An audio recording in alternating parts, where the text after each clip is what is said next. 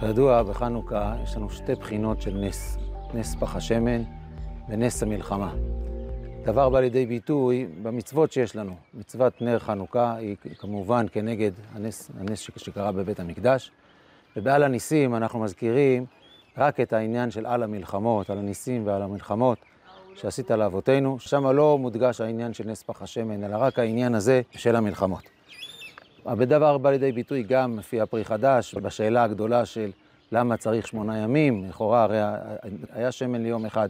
תירוץ הפרי חדש הידוע שיום אחד זה עבור המלחמות, ושאר הימים עבור נס פח השמן. נראה ששתי ה, שתי ה, שתי הניסים האלה בעצם מייצגים שני סוגים של ניסים. מה שנקרא נס על-טבעי, נס מחוץ לגדר הטבע, זה נס פח השמן, ונס בדרך הטבע, נס נסתר, שהוא מיוצג, הוא מיוצג, מיוצג במלחמות של, רב, של מעטים מול רבים. אפשר לראות מתוך העניין שתי בחינות, לשתי, שני אפיקים, שני מישורים לניסים האלה שהם באים לידי ביטוי, אבל ננסה גם להראות שהנס הגלוי דווקא הוא המוקד היותר משמעותי.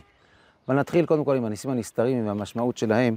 אומר הרמב"ן, ידועים דברי הרמב"ן, אין לאדם חלק בתורת משה רבנו, עד שיאמין שכל דברינו ומקראנו, שכולם ניסים, אין בהם טבע ומנהגו של עולם. כלומר, התודעה הזאת היא חשובה ביותר, שאדם יודע שכל הזמן הוא מושגח על ידי הקדוש ברוך הוא, וכל מה שקורה איתו בכל זמן וזמן, זה, יש, יש, יש, השגחה, יש השגחה צמודה אליו, כל מה שקורה לו הוא לא, הוא לא סתם והוא לא לשווא, אלא הכל נעשה מתוך, מתוך השגחה, וכל פרט בחיים שלנו. אנחנו אומרים את זה גם כל יום בתפילה, ניסיך שבכל יום עמנו, קוראים לזה בפירוש בשם ניסים, לאותה השגחה שנעשית כל יום ויום. אבל התודעה הזאת של הנס, של הנס הנסתר, כמה שהיא חשובה, היא עדיין נעשית רק בין האדם לבין עצמו. כלפי חוץ אנשים לא רואים עליו שקורה לו משהו מיוחד, לא רואים את הניסים, זה רק הוא חי את, ה, את החיים שלו בתודעה כזאת שהקדוש ברוך הוא משגיח עליו. לשם כך באים הניסים הגלויים. הניסים הגלויים הם בעצם גם, גם מאפשרים להוכיח את האמונה כלפי חוץ, הם בעצם מאפשרים להוציא את התודעה הזאת גם כלפי חוץ. כמו, כמו שהרמב"ן גם כותב שמתוך הניסים הגלויים, אה, האדם מאמין באותם ניסים נסתרים.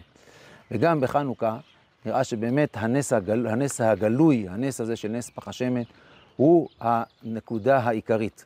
כבר הזכרנו שברור שעצם זה ששמונה ימים, ברור שזה קשור לעניין של נס פח השמן, אבל אפשר לראות את זה עוד גם בהקשר של למה נס חנוכה תפס במשך ההיסטוריה. הגמרא במסכת ראש השנה דנה בסוגיה של האם בטלה מגילת תענית או לא, והיא אומרת שאנחנו פוסקים כמו דעת התנאים, שבטלה מגילת תענית מכיוון שאחרי חורבן בית המקדש כבר אין מקום להרגשה ולתחושה ולרוממות שיצרו אותם ניסים. כבר אחרי, אחרי החורבן נמצאים במצב של אבל, ולכן הניסים האלה לא מורגשים. אבל נס חנוכה, כמו שהגמרא מוכיחה את חג החנוכה, לגביו לא בטלה מגילת תענית. שואלת הגמרא, למה? מה מיוחד בחנוכה? אומר רב יוסף, כי יש שם מצווה. שאלו על זה, גם אם יש מצווה, תתבטל המצווה, תתבטל החג. אבל פה, פה הגמרא אומרת את התשובה, שהמצווה הזאת, כיוון שמפרסם הניסה. זאת אומרת, פה המצווה הזאת היא לא רק מצווה שקשורה לחג, אלא יש משמעות עמוקה מאוד בעניין הזה של המצווה הזאת, שהיא מפרסמת את הנס, היא גורמת לפרסום פרסום מניסה. היא תלויה באותו נס גלוי. כאשר קורה נס גלוי בעם ישראל, התודעה הזאת, שהוא, התודעה שהוא מכיל בתוך עם ישראל, היא לא תלויה עכשיו אם יש בית המקדש או אין בית המקדש. גם כאשר אין בית מקדש, עדיין, עדיין הקישור הזה וה, וההבנה הזאת של הניסים הגלויים, שהקדוש ברוך הוא זה שמנהל את הטבע, זה תודעה שכל הזמן אפשר להפחיד אותה, אפשר להפיץ אותה, אפשר לפרסם אותה, אפשר לחוש אותה. והיא תודעה שאנחנו צריכים לחוש אותה היטב בחנוכה.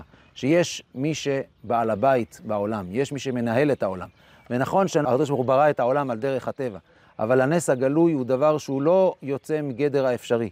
גם הקדוש ברוך הוא יכול לנהל את הטבע, בעיקר התודעה הזאת שהטבע הוא כפוף לקדוש ברוך הוא.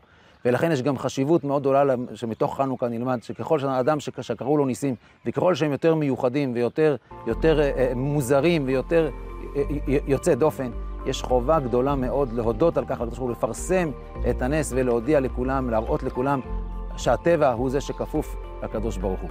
ולכן אנחנו צריכים תמיד לחיות בשתי התודעות האלה, גם התודעה האישית שכל מה שקורה לנו כל הזמן הוא אכן נס נסתר ואנחנו בהשגחה כל הזמן, אבל גם לשים לב לאותם ניסים גלויים, אותם ניסים יוצאי דופן, לפרסם אותם ולהודיע אותם, כי הם בעצם מה שייצרו את התודעה הזאת של הנס הנסתר על ידי הנס הגלוי, וככה נוכל לפרסם את אלוהותו בעולם, בעזרת השם, כן יהי רצון.